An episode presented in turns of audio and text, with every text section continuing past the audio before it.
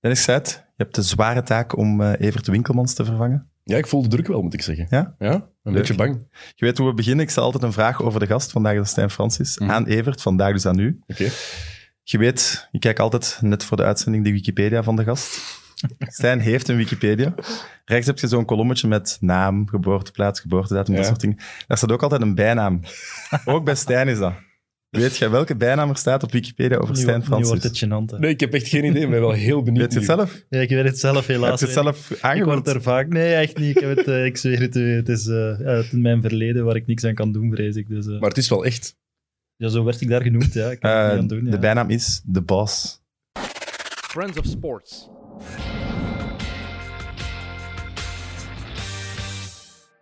Goed, welkom Stijn. Dank u. Je hebt er al een eh, drukke periode op zitten. Dries Ja. verlengd, Toby verlengd, Cyril naar Genk, Openda gisteren dan naar Vitesse. Eh, het is eh, druk geweest en eh, vandaag normaal gezien nog twee. Dus het is een drukke, drukke periode. Rare periode, maar wel drukke periode. Dus met corona dachten we van, er gaat niks gebeuren. Maar eigenlijk moet ik wel zeggen dat het toch nog drukker is dan gedacht. Ehm, dus ja, nu de volgende weken nog een paar, paar transfers proberen af te ronden. En dan, ik zou zeggen op vakantie, maar in een transferperiode is dat altijd gevaarlijk om te zeggen. Ja, nu is die nog verlengd. Ja, Zou je dat thuis kunnen uitleggen dat tot oktober geen vakantie is? Mijn, mijn vrouw werkt eh, op kantoor, dus die, die snapt wel hoe het zit. Wat is wel raar, eh, bijvoorbeeld Nederland nu, dus dat was ehm, dinsdag ging die markt dicht. En dan moest dinsdagavond hebben die dus in Vitesse drie transfers afgerond, waar je echt zo transfer deadline day had. Zo het gevoel van de stress en we geraken niet rond en eh, die waren nog aan het onderhandelen met Fiorentina en dat was lastig. En zo, dus dan had je die stress en nu gaat dat weer dicht en binnenkort gaat dat weer open en dan gaat dat weer dicht en weer open. En ik denk dat we een paar keer zo die, die deadline day gaan meemaken, dus dat is wel ja, een beetje bijzonder. Ja. Ja, dat is een kijkersvraag ook van Moenske. Ehm, zie je de transferperiode trager op gang komen? In België dan vooral? Want hij Eh, spreekt nee, over, zeggen- Gent heeft al iets gedaan, maar er zijn er eigenlijk wel nog die al iets gedaan hebben. Ik denk aan in, Genk. Ja, in vergelijking met het buitenland is België al voor mij heel actief. Ehm, ik denk eh, Nederland begint nu pas op gang te komen. Eh, Duitsland, Engeland, Italië is eigenlijk nog niks aan het gebeuren, of bijna niks aan het gebeuren. Op een paar eh, transfers nou, ook omdat die competities nog lopen. Dus ik denk eigenlijk dat België al vrij actief is. Die competitie begint binnen twee weken, dus ja, ze zouden nu bijna klaar moeten zijn ook. Hè. En de Eh, competitie zou binnen twee weken beginnen. ja, ook al nog, nog zoiets. Maar ik denk nog wel, wat ik wel nog verwacht is in België, die uitgaande transfers, die grote uitgaande. En dan gaat er wel wel te- terug beweging komen, vermoed ik. Maar ik denk dat de Club Brugge Gent, die zitten te wachten op die grote competities om, ja, ik zeg maar iets, Diatta, David... eh, Maar dat is eigenlijk niet per se anders dan een normale transferperiode. Hè? Wij zijn ook al normale maand aan het voetballen in een normale transferperiode en dan gaan er nog altijd spelers naar de Premier League. En dat Ja, maar ik- zo- zo'n Diatta zou ik toch altijd verwachten dat die in het begin van de voorbereiding ergens gaat aansluiten. Maar die voorbereiding is nog nergens begonnen, dus die clubs zijn daar nu nog niet mee bezig. Dus die mikken zodra dat die voorbereiding begint, verwacht ik wel dat die spelers eigenlijk weg zijn. En normaal is die voorbereiding ja, 15 juni, de, eh, 1 juli. En dan zijn die tegen dan wel weg, dat soort spelers. Maar nu is dat dus nog niet het geval, waardoor ik denk dat dat voor een club als Club Brugge en Agent wel, wel lastig werken is, omdat zij eigenlijk wel al klaar moeten zijn. Eh, een andere kijkersvraag was van, eh van Cyril Chevret. Hij vraagt, eh, gaat het heel het volgende seizoen een chaos zijn of enkel deze verlengde transferperiode? Ja, ik vrees als er een tweede golf komt, dat het, eh, dat het chaos compleet is. Ja, als ik nu, ja, Maar wat, want de tweede golf, dan bedoelt je dat er dan opnieuw niet gevoetbald ja, gaat worden? opnieuw niet gevoetbald wordt. En dan gaan er ook wel een paar clubs omvervallen, denk ik. Als ik nu hoorde hoe lastig de Duitse clubs het hadden. En dan hebben we het echt over grote Duitse clubs. Die, die blijkbaar echt op de rand stonden, die zich daar nu doorworstelen. Ja, als er nu een tweede golf komt, denk ik, is dat gedaan.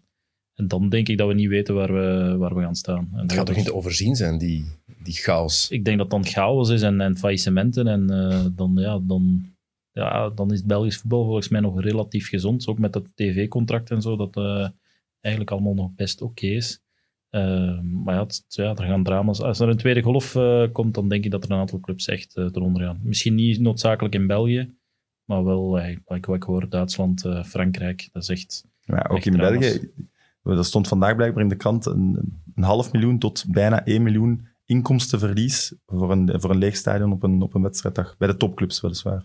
Ja, de, dat zeiden ze mij onlangs ook eh, in Duitsland. Als eh, Düsseldorf, eh, Fortuna Düsseldorf, die moeten 20.000 mensen in het stadion hebben. Dan is dat verlieslatend, maar er, ja, met corona, zelfs met die afstandsbeperkingen, dan kunnen nooit aan 20.000 geraken. Dus elke wedstrijd is verlieslatend. Ja. En liggen, Liggen daar plannen op tafel om, om, die, om clubs te helpen? Of om, Geen idee. is dat iets waar UEFA of FIFA mee bezig is? In Nederland is daar wel, hebben ze een plan uitgewerkt, een nauwregeling of zo, waarbij er geld aan de clubs werd beloofd of gegeven.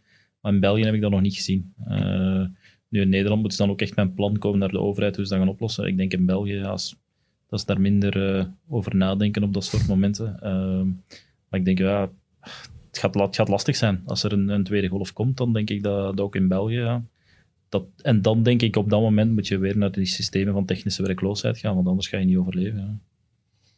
Het gaat niet overzien zijn, hè. Die, het gaat echt een... Nee, ik denk dat mensen dat on- onvoldoende beseffen, ja, als die tweede golf. En dat gaat nu over het voetbal, maar dat gaat over al die sectoren. Ja, dan denk ik dat, dat heel de economie wel helemaal eh, naar, eh, naar beneden gaat gaan. Ja, maar als je ziet, eh, Dennis liet me dan net een filmpje zien van titelviering van Leeds. Gewoon open bus, duizend fans, Ja. duizenden fans. Dat is al, die open bus is al het strafste eigenlijk. Hè, dat die er gewoon dat gaan vieren. Die een, die een promotie dat die er gaan vieren. Een open bus door de stad. Dat al die supporters daarop afkomen.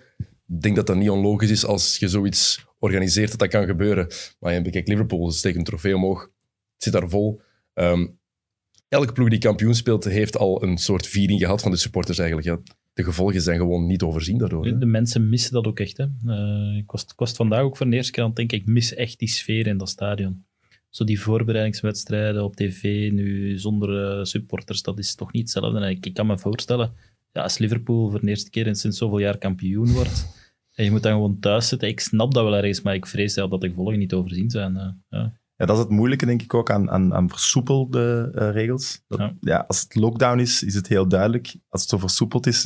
Ik heb daar zelf ook al veel moeilijker mee, merk ik al. Ja, ik merk ook, joh, ja, je, wordt, eh, je wordt wel lakser. Hè. Terwijl in het begin, eh, helemaal begin als die lockdown er was, dan ging je naar de winkel en dan had al schrik bij wijze van spreken als er iemand u passeerde.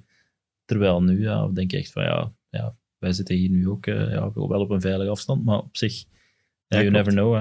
Eh, en, en ik denk dat iedereen wel wat lakser wordt, tot als het weer, als je nu ziet hoe die cijfers stijgen. ja. Ik hoop dat het, eh, dat het rap normaliseert, maar ik vrees ervoor. En, die voor het voetbal is dat echt een drama. ja. Ja, die cijfers stijgen waanzinnig nu inderdaad. En Ja. voor de voetbal is dat een gigantisch drama. Hè. Ik bedoel, 400 supporters waar ze nu dan over spreken die mogelijk zouden zijn, ja, dat, is, dat is geen oplossing Ja, de voor geen Pro enkele club. heeft zelfs, denk ik, twee weken geleden ge- gezegd dat ze een plan hebben om zelfs nog meer dan 400. Ja.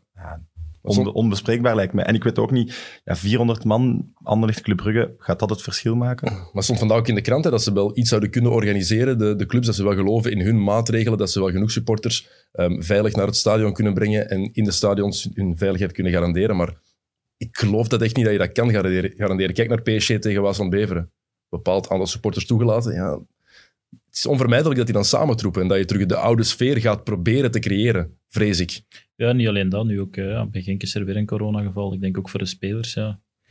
In welke mate is dat veilig als, als die, die coronagolf terug, of terug piekt? Ja, dan denk ik dat er ook spelers gaan betrokken zijn. En ik heb altijd gezegd, van, zolang er geen speler is die overlijdt, gaat die, gaan de clubs doen alsof er niks gebeurd is. Maar als er daar iets gebeurt, ja, dan...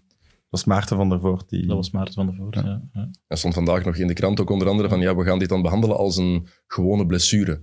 Ja, maar Als ik mijn enkel eh verstuik, kan ik hem niet doorgeven aan u. Hè. Ja, maar het is waar. Het is waar. Het is zo. Nee, spelers zitten echt op elkaars lippen. Die zitten in de kleedkamer, je zit op het trainingsveld. Dus ja, de kans dat je dat doorgeeft is, is gewoon reëel. En je kunt dat wel zeggen, oké, we sluiten hem op, bij wijze van spreken. Maar ja, daar, daar maak ik me wel zorgen om. Ehm, en, en ik denk de spelers zelf ook wel. Merkt je zo ehm, spelers die einde contract zijn, dat, dat die gesprekken moeilijker lopen? Ik zag een artikel op HLN, dat Bolat bijvoorbeeld nog altijd geen club heeft. Normaal gezien zou die, zou die toch al een club moeten hebben. Ja, dat verbaast mij en ik denk wel dat er wel wat stress zal zijn met die spelers. Maar het probleem, en ja, dan komen we weer terug op hetzelfde, België is eigenlijk al vrij ver in die transfermarkt, maar het buitenland nog niet. Dus ik zou ook nog niet paniek, panikeren. En als ik nu een bolat ben, ja, die Turkse markt die is eigenlijk nog niet op gang. Blijkbaar moet daar nog beslist worden wat de budgetten zijn en hoe ver ze boven die budgetten mogen gaan. Dus daar gaat de overheid ook weer eh, beslissen. Dus ik verwacht dat die ergens wel in Turkije aan de slag zal gaan. Maar ja, als die markt nog niet op gang gekomen is, dus ja, Steve de Voer is ook zo'n voorbeeld. Als hij naar het buitenland wil, die markten zijn er gewoon nog niet. Ehm, die komen nu geleidelijk aan op gang. Ja, Chelsea, dat is het enige, denk ik. De enige Chelsea, ja. Napoli zou nu met Osimhen ook Ja. eh, rond zijn. Ja. Eh, Maar dat is misschien eerder omdat, hem anders, omdat je hem anders mist.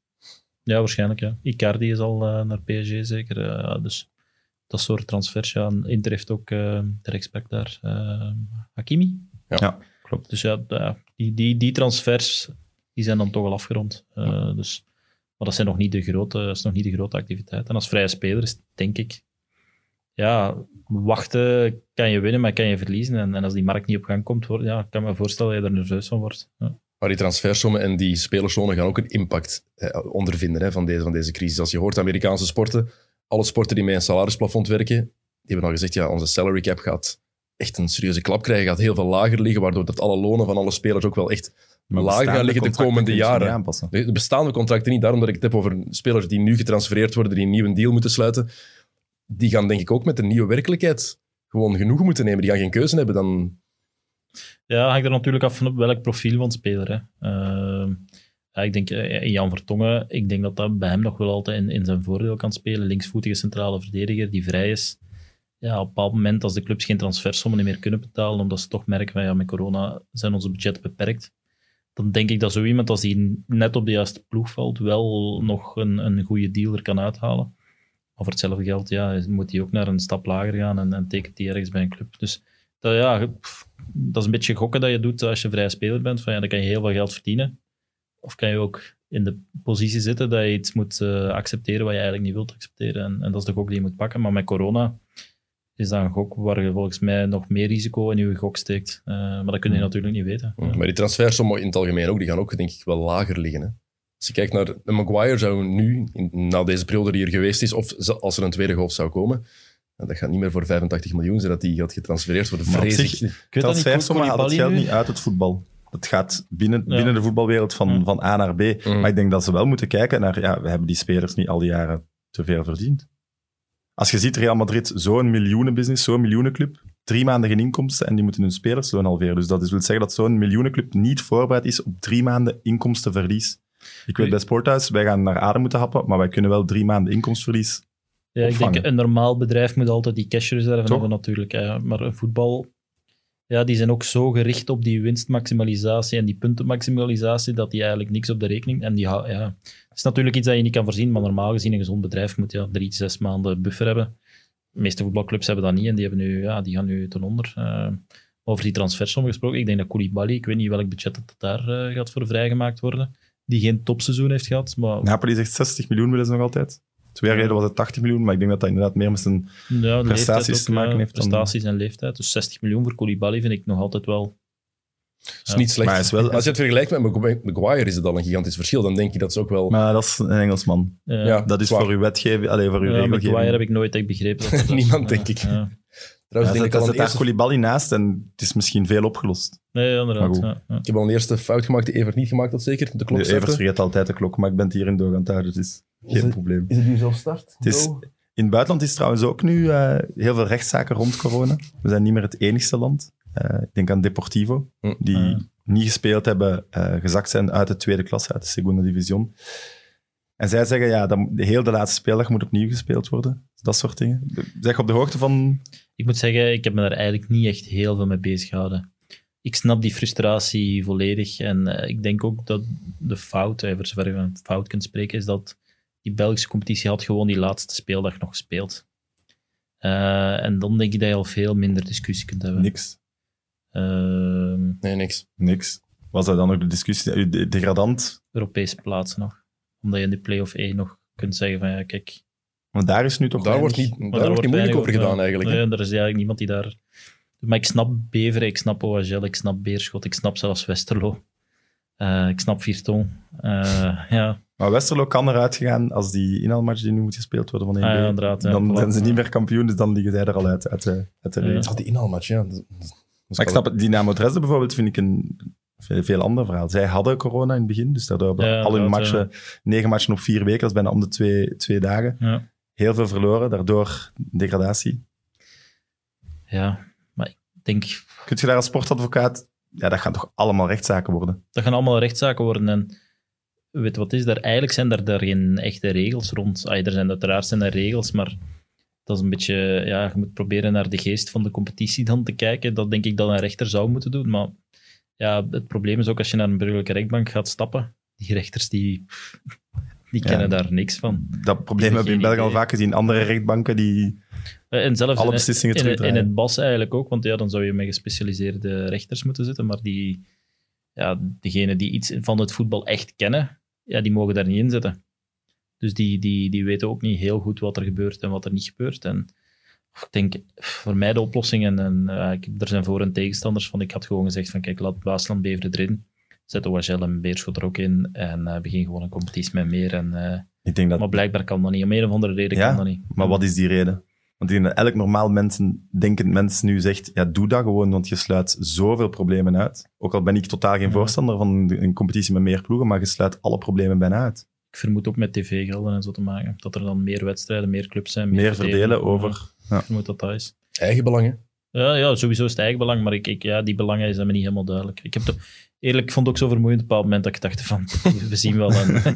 Het verandert ook constant. hè. Er Ja, is altijd wel het een andere, andere uitkomst, een andere Pas op, dat, uitspraak. dat heeft ook een impact op, op, eh, op spelers hè, en keuzes van spelers. En, en eh, spelers, ja, dat, dat Beerschot OHL-verhaal, ja, eh, eh, afhankelijk van wat er gebeurt met die clubs, ja, maakt dat wel heel veel uit voor een speler die voor Beerschot kiest, of niet kiest, of die voor OHL kiest. Ik, vind, ja, pff, het is heel veel onzekerheid. Ook voor OHL bereidt die transferperiode maar eens voor. Dus je weet niet of het 1A of 1B is. Je zit nog uit die wedstrijd. Je kunt niet de spelers opstellen die je eigenlijk wilde opstellen. Dat, Dat verhaal is echt, dat slaat echt nergens op. Dat, Klopt. dat OHL daar nu moet gaan spelen met een kern die ze eigenlijk niet samengesteld krijgen, dat, dat, is, dat is onvoorstelbaar. Dat is- dat is waanzinnig, Ja, hè? dat is echt Je wacht dan zo lang met die, met die match te spelen, wat allemaal te begrijpen is door eh, wat er gebeurd is met de crisis, maar dat je dan met de oude kern moet spelen, waar al zoveel spelers van vertrokken zijn, dat is, is gewoon... En 14 miljoen geïnvesteerd om op te kunnen gaan. En dan niet met uw volle, volle kern van dat Ja, seizoen en met kunnen een leeg stadion moeten spelen ook nog eens. Want ja, Ja, klopt. dat Ook. is ook een gigantisch... Je hebt het nadeel van, je kunt niet met je kern spelen die je eigenlijk verdient mee te spelen. En twee, ja, je thuisvoordeel is eigenlijk geen echt thuisvoordeel meer. Dus pff, ja, ik vind dat echt... eh, chapeau eigenlijk dat OHL daar zo rustig over communiceert en altijd. Want eigenlijk hebben die alle reden om, om, om, om het kot in brand te steken eigenlijk. Want ja, tenzij ze winnen natuurlijk, ja, dan gaan ze lachen. Maar als ze niet winnen, hebben ze volgens mij alle reden om te zeggen van ja, dit is hier... eh, Maar zelfs als ze winnen, denk ik dat de verliezende partij gaat toch sowieso een recht Ja, ja, sowieso, ja, Sowieso. natuurlijk. Ja. En sowieso gaat het voor iedereen wrang voelen. Voor de objectieve voetbalsupporter, als je geen fan bent van Beerschot of van Hmm. OHL, dan ga je sowieso wel vinden dat er iets niet klopt. En dan, wat wat je net Hmm. zegt, zijn, dan is het gewoon 18 ploegen is de meest logische oplossing. Ik ben ook meer fan van 16 ploegen op zich van dat concept, maar als het moet, dan moet het. Hè. Het zijn vreemde tijden, dus dan moet je maar voor één keer eens je aanpassen. En Ja. ik vind het vreemd dat, dat, dat, iedereen daar zo moeilijk over doet. Ik vind dat echt heel vreemd. Ik hoorde, ehm, want we moeten nu kijken naar extra manieren om, om geld toch te recupereren of toch meer te verdienen. En ik hoorde in een Nederlandse podcast, ik denk dat Hans Kraaij junior, junior was, die zei ehm, de kalender aanpassen. Dus je hebt wedstrijden in een leeg stadion, dus alle topmatchen, alle Ah, derbies ja, vooruitduwen juist, ja. naar januari, februari. De kans Ja. is groter dat er dan publiek binnen mag. En om het dan wel fair te houden, de inkomsten dan wel met een verdeelsleutel. Vind ik eigenlijk wel een goed idee. Ja. Ja, dat je een Anderlecht Brugge, ja, speel het niet in oktober, want Ja. de kans is zo groot dat het geleeg gaat zijn. Duw het vooruit, speel dan een Zultuarium Anderlecht, maar compenseer Zultuarium dan wel, omdat dat is ook natuurlijk de hoogdag voor Zultuarium als Anderlecht op bezoek Ja, komt. inderdaad. Ja, dat is wel kan idee. wel, hè? Maar ook daar gaat de Belgisch voetbal weer niet eh over eens geraken. En dan ga je ook wel een Anderlecht Club Brugge misschien, als Anderlecht play-off 1 had dit jaar, Ja. eh, gaat je die misschien vier keer tegen elkaar zien spelen op twee, drie maanden tijd. Maar ja, Ja, als ik- dat is... Mij maakt het niet uit, inderdaad. Ik denk dat het Belgisch voetbal eerst eens eh, moet kijken hoe kan dat goed bestuurd worden. Want eh, ik denk dat daar eh, veel meer problemen zijn. Want zoveel maatregelen, ik kan me nu al voorstellen, dat, daar erger ik mij dood aan, is dat, dat Belgisch voetbal kan, wordt gewoon niet bestuurd op dit moment. Dat is gewoon een zootje ongeregeld. En, en ja, dat, is, dat is gewoon niet goed voor het voetbal. En in probleemsituaties wordt dat pas helemaal duidelijk. Als je nu ziet van met die hervormingen en ze zitten gewoon niet op één lijn. Er is niemand die daar echt eh, een zeg kan doen. Er is geen onafhankelijkheid. Eh, nog bij KVB, nog bij Proli. Ja, ik denk dat dat een... Ja, de onafhankelijkheid is het, is het probleem. Ja, Daar nee, komen alle andere problemen Daar uit. komen eh, heel veel andere problemen uit. En natuurlijk, je hebt altijd problemen met ego's en, en visies en belangen. Maar als je dan niet een onafhankelijk sterk figuur hebt die kan zeggen van gasten, zo is het en het is crisisperiode en eh, iedereen water bij de wijn en geen gezever. Maar dat is er niet. En nu staat het gezever. En wat mij verontrust is, ik heb niet het gevoel dat, dat ze nu, zoals gezegd, de tweede golf, ja, dat is, dat is super reëel dat het er komt. Hij giet het nu wel allemaal in regels waar ze nu allemaal akkoord Mm. moeten gaan, nu er geen klassement is, nu er geen eigen belang nog niet Ja. echt primeert. Dat je gewoon wel weet, zo'n dingen gaan blijkbaar de komende jaren, Mm. decennia nog wel eens kunnen voorkomen, dat, dat, dat het nu wel vast ligt, dat we al deze zever... Maar daar, ik heb niet het gevoel dat ze daar nu al mee bezig zijn. Ja, en ze gaan dat niet meer loslaten, denk ik ook niet. Ik denk dat de clubs die nu macht hebben, die, die gaan die macht niet loslaten. Wat ik ergens nog wel begrijp, maar ik denk dat er niemand ja, genoeg in belang van het voetbal denkt om te zeggen van kijk, oké, wij onze belangen niet belangrijk, we gaan eens een keer eh, zelf onze macht wat verliezen om macht te geven aan iemand onafhankelijk. Ik denk niet dat dat gaat gebeuren. Ik vraag me ook af hoe, in hoeverre het Belgisch voetbal al voorbereid is op die tweede golf die er waarschijnlijk wel nu zal komen helemaal. Ja, je weet het nog Wat niet. ga- Kan kan er blijkbaar nog teruggedraaid worden. Ja, maar Ja. hebben ze een plan B, hebben ze een plan C? Ik vraag me echt af hoe ze daar nu mee bezig zijn geweest. Want als we afgaan op het verleden van het Belgisch voetbal, dan mo- mogen we daar niet optimistisch over zijn, vrees ik.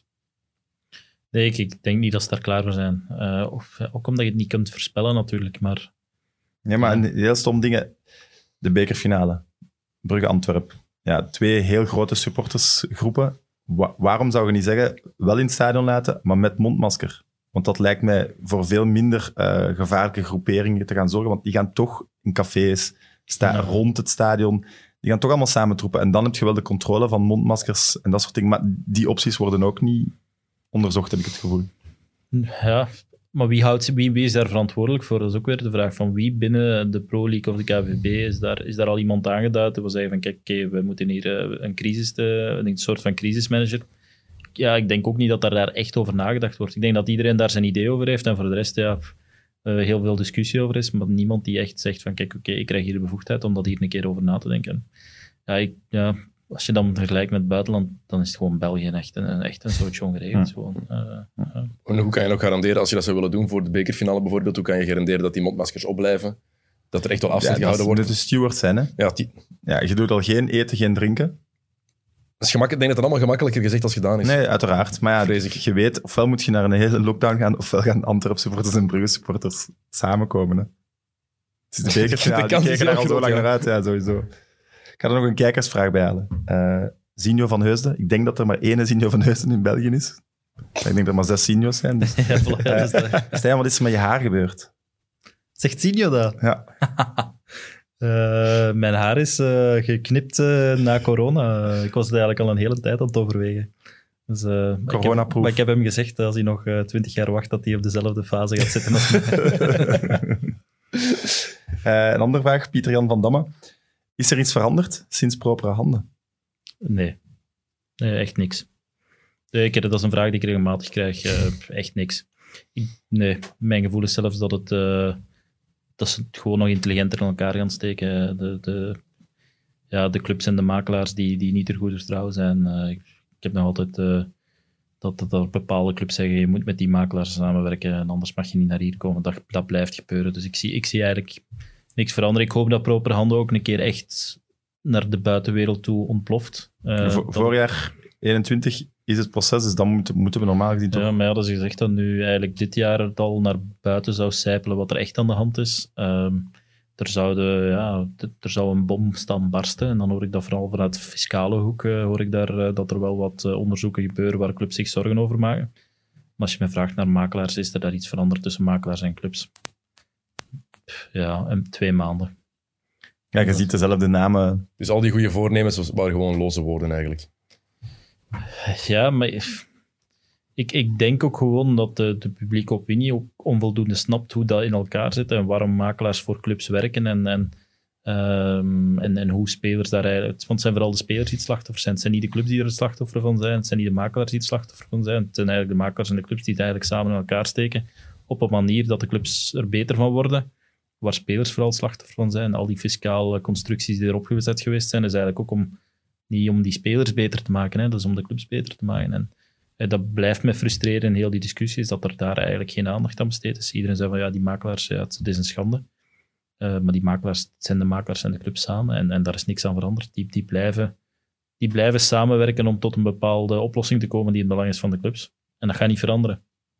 Nu is er een nieuw KVB-reglement sinds 1 juli, waarin staat dat je enkel nog voor de club of enkel nog voor de speler mag optreden, wat ook weer eh, eigenlijk totaal los staat van elke realiteit, want er is altijd die belangenvermenging, maar het is net door die belangenvermenging dat dat soort constructies zullen blijven bestaan. En dan zeggen ze, ja, op die manier is het opgelost, maar dat lost niks op. Dus Maar ik denk, wat, want jij zei dat hier de vorige keer, je moet ook door de club betaald worden, omdat het kan zijn een overbodige speler, ja, dat die wel wegraakt door de makelaar. Ja. Dus dan heeft de makelaar een dienst bewezen aan de club, Hm. maar toch ook aan die speler. Nee, nee, voilà. Dus ik denk altijd dat je in de, in de beide richtingen werkt. Dus bijvo- bijvoorbeeld Cyril Dessers gaat van Heracles naar Genk. Oké, we proberen bij Cyril het best mogelijk contract bij Genk te onderhandelen, maar anderzijds moet je ook voor Genk, bij Heracles, ervoor zorgen dat die transfer kan gebeuren. En moet je daar gaan onderhandelen, en moet je daar gaan spreken, en, en, is dat een proces van heen en weer. En, ben je En Genk- waarom is dat de rol van de makelaar en niet van de manager van Genk? Ja, dat is, dat is denk ik een beetje samen, omdat de makelaar heeft vaak meer informatie dan Genk. Eh, en ik denk dat daar de rol ook van een makelaar vaak zit, is informatie geven om te zeggen van, ja, kijk, eh, dit zijn de alternatieven. En, en dan moet je eigenlijk samen proberen, even goed hadden kunnen zeggen, regel het maar, maar dan gaat Genk volgens mij een prijs betalen die ze niet kunnen betalen, of ah, gaat er een prijs gevraagd worden. En door de informatie die we dan geven en die we ook naar Heracles geven, proberen we Genk te helpen. En proberen we ergens ook Heracles te helpen, dat zij ook zich niet bekocht voelen, want anders krijg je ook geen deal. Dus je zit daar als makelaar altijd op dun en een evenwicht. En ja, het probleem is dat er daar geen transparantie in is van, van wie is, voor wie ben je nu eigenlijk echt aan het werken. En uiteindelijk is dat dan voor die speler om die deal. In ons geval, maar dat is niet altijd het geval. Soms zijn er ook gewoon makelaars aan het werk die zeggen de speler zal dat wel aanvaarden en voor de rest zorgen we dat de clubs vooral zoveel mogelijk hebben. En dat is, dat is een moeilijk evenwicht en daar zijn ook geen echt wonderoplossingen voor. Eh, en dat zal, zolang dat die transfermarkt bestaat, zal dat blijven gebeuren. Dus eh, is er iets veranderd? Nee, maar zolang dat die transfermarkt bestaat, zal er niks veranderen, denk ik. Wat bedoelt u met zolang die transfermarkt bestaat? Ja, Is het is, dan, het is door die transfers en die transfersommen dat je eigenlijk makelaars zitten vooral... eh, die hebben vooral een rol voor clubs, omdat er daar transfersommen moeten betaald worden, die dan ofwel zo hoog mogelijk of zo laag mogelijk moeten betaald worden. En, en daar hebben makelaars informatie die clubs niet hebben. En, en ja, Hm. daar hebben clubs ook die makelaars voor nodig. En dat is eigenlijk heel het spel. En dan zit je nog eens met die makelaar die in theorie de speler moet vertegenwoordigen, maar vooral kan verdienen op die transfersommen, wat in het belang is van de clubs. Dus je zit daar eigenlijk met een, een, een evenwichtsoefening die quasi onmogelijk is omwille van die transfermarkt.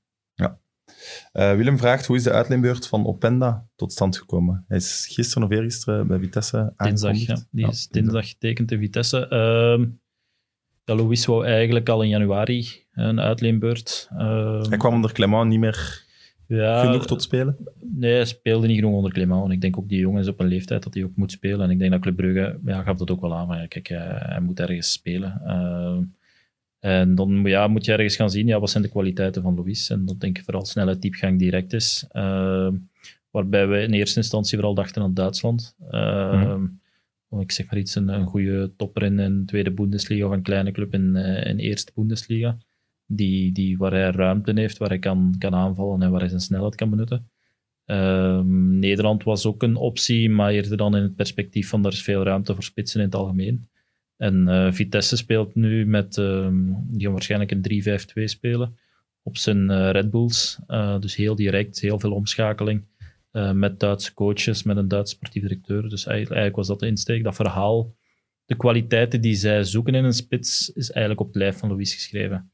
Er zijn nog andere Nederlandse clubs die interesse hadden, maar in een zuivere 4-3-3, wat de meeste Nederlandse clubs spelen, met brede flanken en één spits, denk ik dat Louis niet helemaal op zijn, tot zijn recht komt. Maar Vitesse gaat dan ja, op zijn Red Bulls proberen te spelen, op zijn Duits spelen. En dan denk ik wel dat dat een match moet zijn. En Want hij er ook- speelde onder Clement, speelde hij soms van rechts. Maar ja, dat is terwijl niet- dat niet zijn positie Nee. is. Hij moet altijd in het centrum kunnen zijn, ook omdat hij daar het gevaarlijkst is.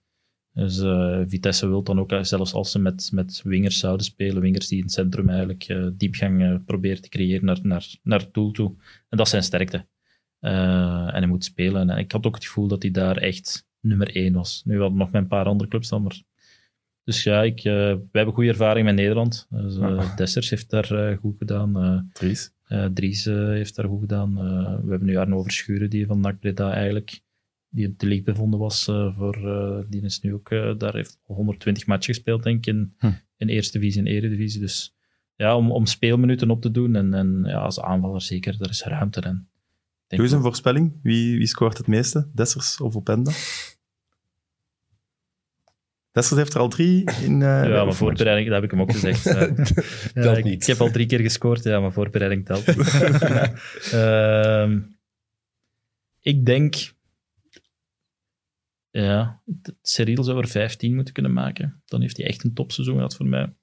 Oef, ik heb een weddenschap dat hij er 13 maakt in het reguliere seizoen. Dus dan gaat 15, dat gaat niet Hij moet er zijn. 15 kunnen maken, vind ik persoonlijk. Eh, geen drugsreel.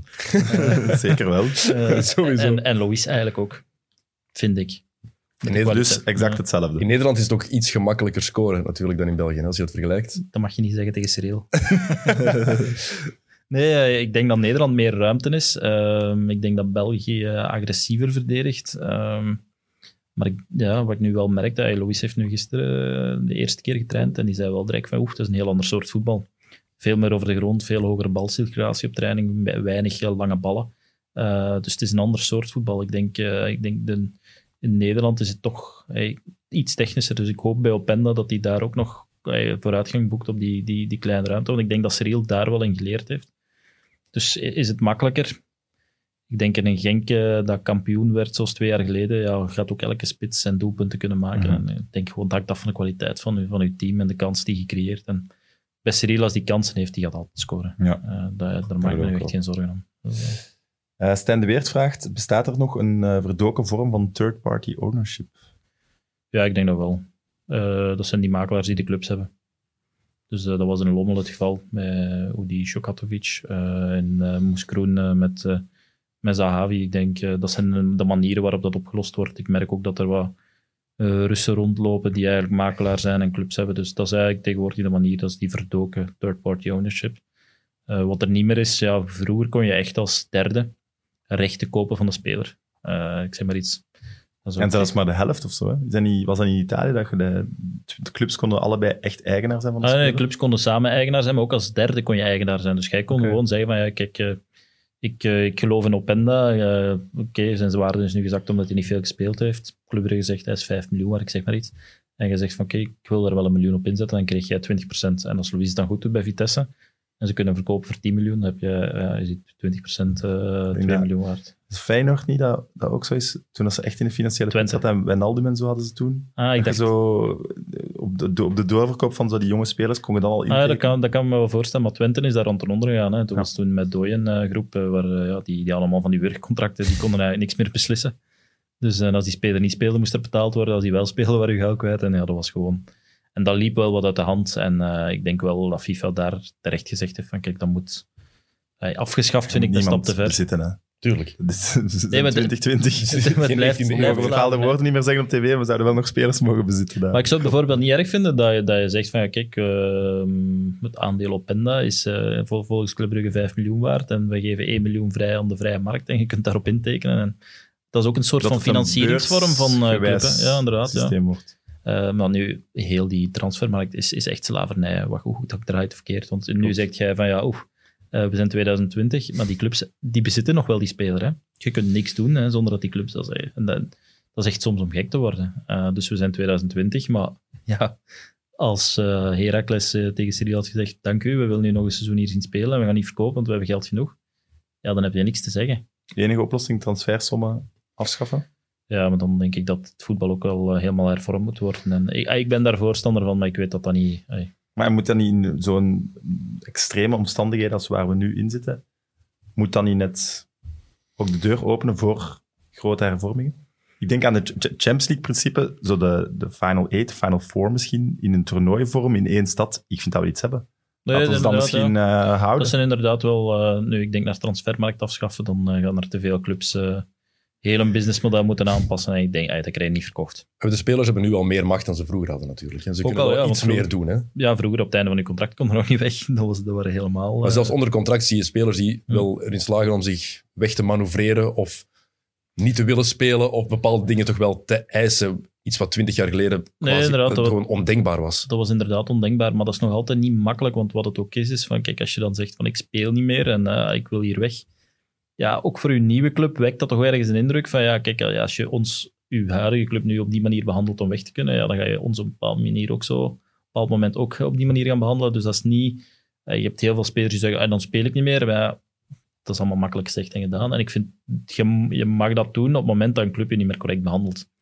Maar ik vind, zolang je in onderhandeling bent, moet je dat speler ook niet gebruiken. Dus dat dan machtsevenwicht, eh, ik vind dat dat nog altijd meer richting eh, de clubs gaat dan richting de speler, toch nog altijd. Want je kunt echt niks doen zonder die club. Het hangt ook van sport tot sport af. En aan sommige andere sporten zie je wel een speler die ongelukkig is en die dat duidelijk maakt aan zijn club en aan, aan de media ook van ik wil hier eigenlijk weg, ik ben hier niet helemaal gelukkig meer. Dan houden ze daar rekening mee omdat ze geen ongelukkige speler in een club willen. En ik heb het gevoel dat in het voetbal dat toch veel minder is. Je bent ongelukkig, jammer. Je zit onder, ligt onder contract hier, dus leer er maar mee leven om toch gelukkig te worden. Groningen die naar Hertha kan, Nederlandse spits, die zei in een interview nu, de eerste training, ah, ik kan me niet meer opladen om voor Groningen te spelen. Fantastisch, krijgt hij heel veel commentaar op, maar ja, het is eerlijk. Ja, het zal wel de waarheid zijn. Ja, voilà. echt. Ja, het is dat. En pas op, dat ligt wel druk op een club, hè, want dan eh, is er onstabiliteit in je kern en miserie. En, pff, Ja, en Hertha. Ja. ja, nee, Je weet ook ja. gewoon, ja, jongens, nu doen we even rustig. Nee, tuurlijk, ja, inderdaad. Ik heb een andere vraag van Willem. Eh, wat is de rol van PMK Company ten opzichte van Stur? Een goede vraag. Eh, Het, is niet dat jullie alleen maar met PMK samen nee, nee, wij werken met heel... PMK is nu toevallig bekend, omdat dat eh, de vrouw is van Mpoku die dat heeft opgericht, samen met twee vrienden van Mpoku. Eh dus dat is een makelaar met wie we samenwerken op een bepaald aantal spelers. En, en ja, Polo kennen wij al ja, tien jaar werken we daarvoor. En, en wij helpen PMK waar we kunnen en zij helpen ons waar zij kunnen.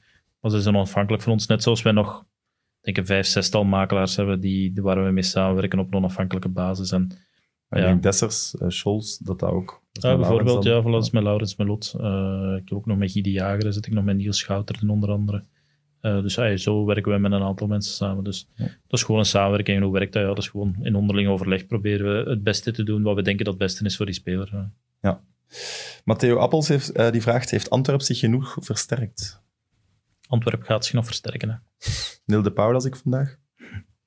Dat zou kunnen.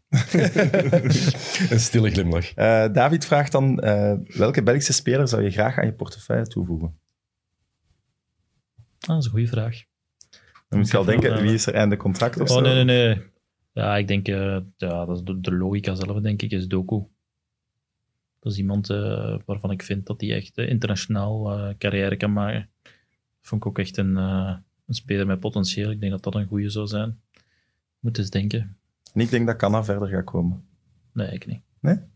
We Kana, praten, praten binnen 15 Kana, jaar. Kana is bijvoorbeeld ook een interessante jongen. Eh, ik denk bij Anderlecht zijn er wel een paar. Ja, die Verscharen, ja, een paar eh goede, goede jonge jongens. Ik heb ja.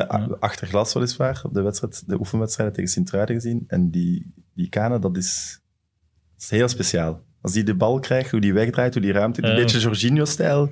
Stond hij op de zes of op de... Nee, zes. ja, Kapitein ik zelfs. vind dat ook zijn beste positie. Ze willen- Die is willen belachelijk, zet hij niet van achter. Nee, ik vind het centraal. Bij Barcelona of zo misschien wel, maar niet in de Belgische competitie. Uh, nee, want ik vond dat vroeger ook een goede zes. Uh, maar ik ben nog altijd benieuwd of die echt, echt doku is voor mij. Afhankelijk van hoe die... Ah, nog een jongen die echt goed is, is Duomo. Dat vind ik ook echt een, uh, een fenomenaal talent. Uh, dus Duomo, Doku. Jij ziet Eh. Doku wel als het grootste talent dat er van die jonge gasten rondloopt bij Anderlecht op dit moment. Zijn Ik er moet nu veel? wel zeggen, als Anderlecht gevaarlijk was in die wedstrijd, was het bijna altijd via Doku. Ze Ja, ik heeft ook nu- fantastisch gespeeld, maar ik vind het minder... Van het weekend zijn Uitzonderlijk. gezien. Dan ging Doku er toch ook al een paar keer echt heel makkelijk langs. Uh, en pas op, die jongen is maar 17. Mhm. Dus ja, Hij heeft zo'n een, een terugkap, dat hij op volle snelheid gewoon ineens stilstaat. Om ja, terug te- dus dat vind ik echt een groot talent. Ja, zeker en vast. Uh, iets helemaal anders. De, de prijsuitreikingen. Gouden Bal heeft gezegd, geen Gouden Bal dit jaar. Welke drie zouden we nu al nomineren voor de Gouden Bal? Moeten we eerst iets zeggen hoe dat het toch een beetje onnozel is dat de Gouden Balverkiezing dat dat zo Ik dat het niet dat doorgaat dat nu. afgeschaft wordt. Want dit, Ja. De dat grote is voor een competities, jaar, hè? de grote Dat is competities, niet voor een seizoen. daarom. En de grote dat competities gaan door. Hè? Gouden Bal is toch... Ben ik nu zo een mis? jaar. Nee, Gouden Ja. Bal is een jaar. Ah. De grote competities die worden afgewerkt. Ja, De dat- winnaar van de Gouden Bal die, gaat, die komt nooit uit de Jupiler Pro League of uit de Eredivisie. Hm. Dat is altijd uit de grote competitie. Dus ik zie geen enkele reden waarom dat ze nu al gaan beslissen. Er komt geen- eh, dat ze nu beslissen, er komt geen Gouden Bal. Ik vind dat heel Eh, Zo'n vreemd. zo'n internationaal toernooi als een EK en een WK heeft wel altijd zeer grote invloed op. Klopt. Maar ja, je hebt het nu ook volgend jaar. Dus Ja, vreemd dat ze dat afschaffen, inderdaad. Ja. Daar zie ik eigenlijk niet echt de logica van in, want zolang er gevoetbald wordt. Als je nu zegt, er is een heel seizoen niet gespeeld geweest, of een heel jaar niet gespeeld geweest, eh, dan, ja, wie moet dat winnen? drie genomineerden. Ik denk dat we allemaal Kevin gaan zeggen. Hè? Kevin De Bruyne, dat, dat hij erbij hoort. Ik vind wel dat hij daar een keer mag bij zijn, ja. Ik vind nu wel dat hij al genoeg Ik had een heeft. discussie met een van uw cliënten. Ik zei Lewandowski en Kevin De Bruyne. En dan Ramos. Ramos. Die, die vond Lewandowski en Kevin De Bruyne al niet. Sinjo vond zeker Ramos. Ga- ik ga niet zeggen wie het was. Ramos in de top drie.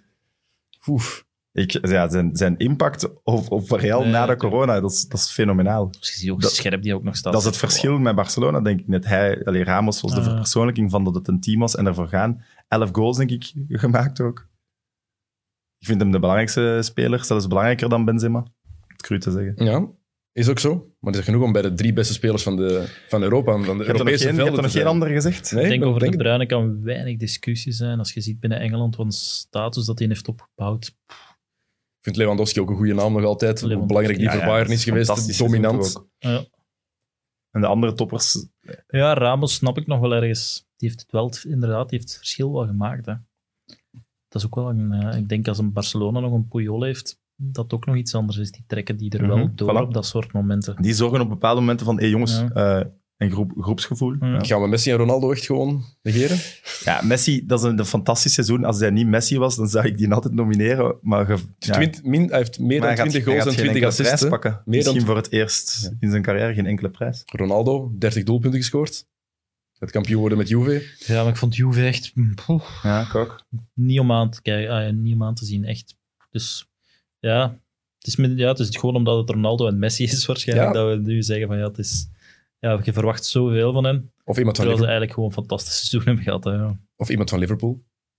Ja, De- de vraag ik is heb wie dan natuurlijk, bron, want- eh, gehoord dat de, de prijs van de journalisten in de Premier League naar Henderson gaat. Ja, dat... Maar we zijn ook een beetje chauvinistisch daarin, hè, Sam. Dat we, Nee, dat vind, we ik niet, dat vind ik niet eens. Ik ben heel benieuwd hoe de spelers gaan stemmen. En als dat ook zo is, dan Wie zou dan anders pakken bij Liverpool? Henderson. Nee, maar jij. Jij zo Ah, Henderson nee, ik zou, pakken? nee, ik zou niemand van Liverpool. Ik zou, de best, dat is een individuele prijs. De beste van- speler was gewoon Kevin De Bruyne. Ja, De nee, afgelopen twee jaar heeft ook wie- een speler van Liverpool gewonnen, was terwijl de- City kampioen was. Wie was de beste speler, de beste speler bij Liverpool dit jaar voor jullie? Was het Henderson? Nee, ja, ja, als je zo'n Liverpool... eh Maar het is niet, het is niet vreemd. zijt, dan zeg je Henderson. Maar het is niet vreemd dat, er, dat je de, de prijs voor, als, zeker als journalist, dat je de prijs voor de beste speler aan de beste speler van de beste ploeg geeft. Zeker na zo'n historisch seizoen dat Liverpool gehad heeft. Ja, maar dan- Die redenering en Nee. ook een beetje chauvinistisch Dat, gevoel nee, dat van is de... geen individuele prijs. En Mané? Ja, ik vind eerder... Of Salah vond ik ook niet zo slecht. Ik vond Misschien Mané- wel minder. Maar Mané vond ik dit jaar eh, Mané beter dan Salah. wel Ja, misschien stap wel. gezet, vind ik, ja.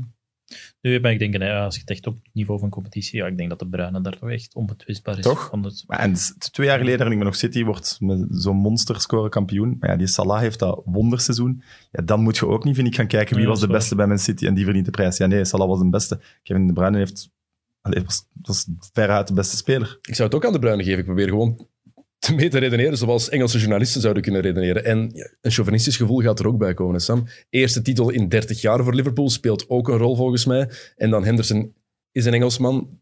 Dat gaat voor die mannen ook allemaal een rol spelen, denk ik, in hun verkiezing. Maar als we het objectief bekijken, dan is de Bruyne gewoon nu, wat Haaland heeft gedaan, is toch ook wel redelijk fenomenaal. Hè? voor de gouden bal, ja. Want die is, eh 1 januari is hij toegekomen hè, in Borussia. Zie wat een parcours, eh, als hij een heel seizoen dat kan doortrekken. Eigenlijk. Dat is ook fenomenaal. Hè? Ja. Ja. Maar ik blijf bij mijn top drie. Hij valt, er- hij valt er net buiten. Nee. Misschien moeten de luisteraars en kijkers ook eh, reageren wie dat zij nomineren voor, voor de Gouden Bal. Ehm, laatste ding dat ik nog zou willen bespreken is, ik denk dat het gisteren was dat we op WhatsApp hadden gestuurd, er zou een nieuwe regelgeving komen in België rond de spelersmakelaar. ja, Is dat al uitgerold? Die is al uitgerold. eh, Dus eh, om een idee te geven hoe zoiets werkt in België. Op 2 juli stuurt de KBVB een reglement door dat in werking treedt vanaf 1 juli. Op 1 2 juli, juli van... Vanaf 1 juli. Op 1 juli hebben we toevallig twee transfers gedaan. één contractverlenging eh, en één transfer. En dan krijg je dus 2 juli dat reglement. Waarvan alles verandert. Waar uw representatiecontracten anders moeten uitzien. Waar uw betaling via een clearingdepartement moet verlopen. Waar echt eh, toch een serieuze vernieuwing. Eh, dus ja, zo begint het al. Ehm, dan komt er daar een bepaalde bepaling naar voren dat je nog enkel voor de club of enkel voor de speler mag optreden, wat eigenlijk totaal niet in de realiteit ligt. Waar dan fiscalisten van zeggen van, ah ja, kijk, dat heeft ook fiscale gevolgen die niet overzien, ah, die niet overzien zijn, die wel te overzien zijn, maar waar iedereen zijn eigen interpretatie aan geeft, waardoor nu iedereen nu zit, hoe, hoe zit het nu eigenlijk met die makelaars en worden de spelers nu belast op die commissies, ja of nee? Dus dat heeft eigenlijk zoveel... Ik, ik vraag me af, met wie bespreken zij dat? Dat ik, en wie maakt dat één? Dat is iemand die volgens mij niet de, de realiteit van de makelaarswereld kent. En twee, ja, op voorhand kan je dat toch wel eens even aftoetsen met een aantal Ja. clubs en, Dat lijkt me ook. en zeggen van kijk, of we gaan een overgangsmaatregel doen, maar nee, vanaf 2 juli, eh, 2 juli vanaf 1 juli. En wie heeft die een mail te laat verstuurd? Ja, dat is ook de KBVB. Eh, misschien ook het allerlaatste dan. eh, Want ik had gelezen, in Italië is er een speciale wetgeving om de Serie A terug topspelers te kunnen laten Ik weet, aantrekken. ja, ik weet nu niet eh, of dat speciaal is voor de Serie A. Ik, wat, zo wat ik ervan begrepen heb, is, wat ik ervan begrijp, is eh, waar vroeger als een speler 100 euro verdiende, moest hij 50 euro ongeveer, iets minder eh, belasting betalen. Wat ze nu eigenlijk zeggen is van kijk, we gaan eh, van die 100 euro gaan we niet belasten, maar we gaan nog maar 50 euro belasten. Dus we gaan nog maar op de helft belastingen betalen, dezelfde belastingen, maar nog maar op de helft. Dus 50% is eigenlijk vrijgesteld. Ehm, dat is nu sinds 2019, denk ik, eh, in werking getreden. Maar ik denk niet dat het enkel voor, specifiek voor voetballers is. Dus Eh, elk het- arbeidscontract... elk arbeidscontract, inderdaad. Dus ik denk dat het nu interessant is als eh, rijke expat om naar Italië te verhuizen, want je betaalt maar op 25%. Eh, je betaalt eigenlijk maar 25% belasting in plaats van 50%. En dat trekt, ja, Eriksen, Lukaku... eh, ja, dat is, Cristiano was nog ervoor. Cristiano was er nog voor, maar ik denk dat hij er misschien nog wel van, van mee profiteert. Ja. Dus ik Ja. denk wel dat dat het Italiaans voetbal een serieuze eh, boost gaat geven. Maar dan hoor ik binnen Italië daar ook weer kritiek op, omdat de Italianen vallen niet onder dat systeem. Dus dat is enkel voor spelers die Hm. vanuit buiten Italië naar Italië gaan. ehm, dat de Italiaans voetbal daar misschien wel gaat onder lijden, omdat nu de buitenlanders... Omgekeerde chauvinisme. ja, maar ik denk wel voor de competitie gaat het wel oeh, serieuze. Ja, dat maakt het super interessant. Hè. Ah, Ik denk een Ossiman en zo, ja, die Lukaku, Eriksen, dat zijn, dat zijn contracten die bruto top zijn, maar die daardoor netto eigenlijk boven Engeland uitkomen. Hè. Dat is, dat is Top. dat Ja, ik, echt en sportief ik vind het een goede, een goede Serie A, dat is echt super belangrijk voor het Ja, Europese voetbal. nee, inderdaad. Ik vind dat ook. ik, en ik vind dat eigenlijk een leuke competitie om naar te kijken. Ik vind dat daar intelligent gevoetbald wordt. Het is die, Eh. die, die heel hard afscheidt van de andere topcompetities Ja, qua dat- manier van voetballen. Het is Nederland, je moet echt... Om in Italië te voetballen, moet je echt een soort van voetbalintelligentie hebben die je bijvoorbeeld in Engeland niet kunt hebben. Dat in Engeland is het heel veel op pace en, en, en, en echt constant gaan. gaan. Attractief. Ja. Ja, en, en Italiaans voetbal is echt nadenken en, en verdedigen en iedereen verdedigt en iedereen staat goed. Als je als je Atalanta ziet, wat, wat een discipline dat dat vergt. Eh, er is geen enkele Engelse club die met zoveel discipline kan voetballen als Atalanta. Eh, en, en dat maakt het wel interessant. eh. Atalanta, nu Milan, nu Napoli onder Gattuso. Dat vind ik nergens anders terug op dit moment. Duits voetbal, ja. Red Bull-model is, een- maar dat is nu al een beetje... eh, ah, nee, ik ga niet zeggen achterhaald, maar dat kent iedereen nu wel. Maar in Italië wordt er daar toch... hey, Atalanta, wat die doen, is echt fenomenaal. hè. Hoe Eh. ver geraken ze in de Champions League? Ik denk dat die, dat is PSG alles, dat ze moeten, hè? die kunnen Ja. alles winnen. Maar die kunnen ook alles verliezen. Maar speel er maar eens tegen. Hè. Is het een voordeel dat dat in één match is voor hun? Ik denk van wel. Ik denk, het wel, ook. Ik denk dat wel. hè. Ja. Omdat ze intrinsiek niet die kwaliteiten hebben. hè. Want kijk gewoon naar die, die namen. Dat zijn oké goede spelers, maar dat zijn geen fantastische spelers. Hè. De Roon. eh, Kastanje. Het is gewoon een heel goede ploeg. Hè? Het geheel klopt gewoon. En Malinowski doet daar geweldig. Ik bedoel, echt de laatste weken, wat hij er allemaal doet. Eh, terwijl, ah ja, als je mij gevraagd had vorig jaar, uh, vroeg Atalanta ons, wat denkt u van Malinowski? Ik zeg, goede speler voor België. Maar gaat hij dat in Italië kunnen brengen bij Atalanta op de manier waar jullie spelen? En die doet dat gewoon. Hè. Hm. Ja, hij is echt goed. ja. Heel indrukwekkend. En het is tof als er terug grote namen, meer grote namen naar Italië komen. Die competitie heeft zijn glans verloren gewoon de laatste jaren. Ook al wordt er tof gevoetbald, is het leuk om naar te kijken. Voor heel veel objectieve voetbalsupporters die misschien niet elke week een Serie A-match kijken, die denken, Maar vanaf, vanaf onder de top 8 kun je geen drie spelers meer van Italiaanse ploegen Nee. noemen. En dat is Nee, klopt, voor ja. de uitstraling naar buiten. Ja, in de Premier League kun je er zijn er niet heel veel mensen die dat zelfs in de top 8 niet meer kunnen. De laatste jaren, Ja, het is niet meer, ja, het is niet meer de Italiaanse competitie van begin jaren 2000, hè, waarin. Milan en Juve top waren en Inter ook een goede ploeg was. Dat begint nu allemaal terug te komen. Monza Maar- komt er ook aan, hè, met Berlusconi. Just. Dat wordt nog, eh, dat De wraak op Milaan. Ja, dat, is, eh, dat was een project, eh, die, die waren geïnteresseerd in, een van onze spelers. Eh. als je daar een beetje gaat over opzoeken, ik heb dat ook met Dries besproken, en Dries zei ook van, ja, kijk, in Italië, dat, wordt, dat is Berlusconi die erachter zit, iedereen, daar zit geld achter. Eh, die hebben een budget van 50 miljoen, die zijn nu Serie C kampioen geworden, gaan nu naar Serie B. En die zijn droom is gewoon ja, in, in San Siro winnen tegen Milan. Hè. En, en die, die zijn nu al bezig met bonus van Europa League erin in hun contracten te zetten. Hè. Is Dus, ja, dat, is, dat is echt eh, dat is super ambitieus. Dus dat is wel, eh, ik kijk daar wel naar uit. Ja. Goed, Stijn, eh, bedankt. Je moest nog naar een Met afspraak, plezier. dus ik ga je laten gaan. Dank u.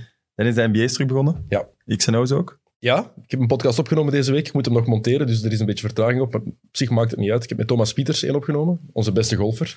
En eh gigantische NBA-fan. Ook basketter geweest.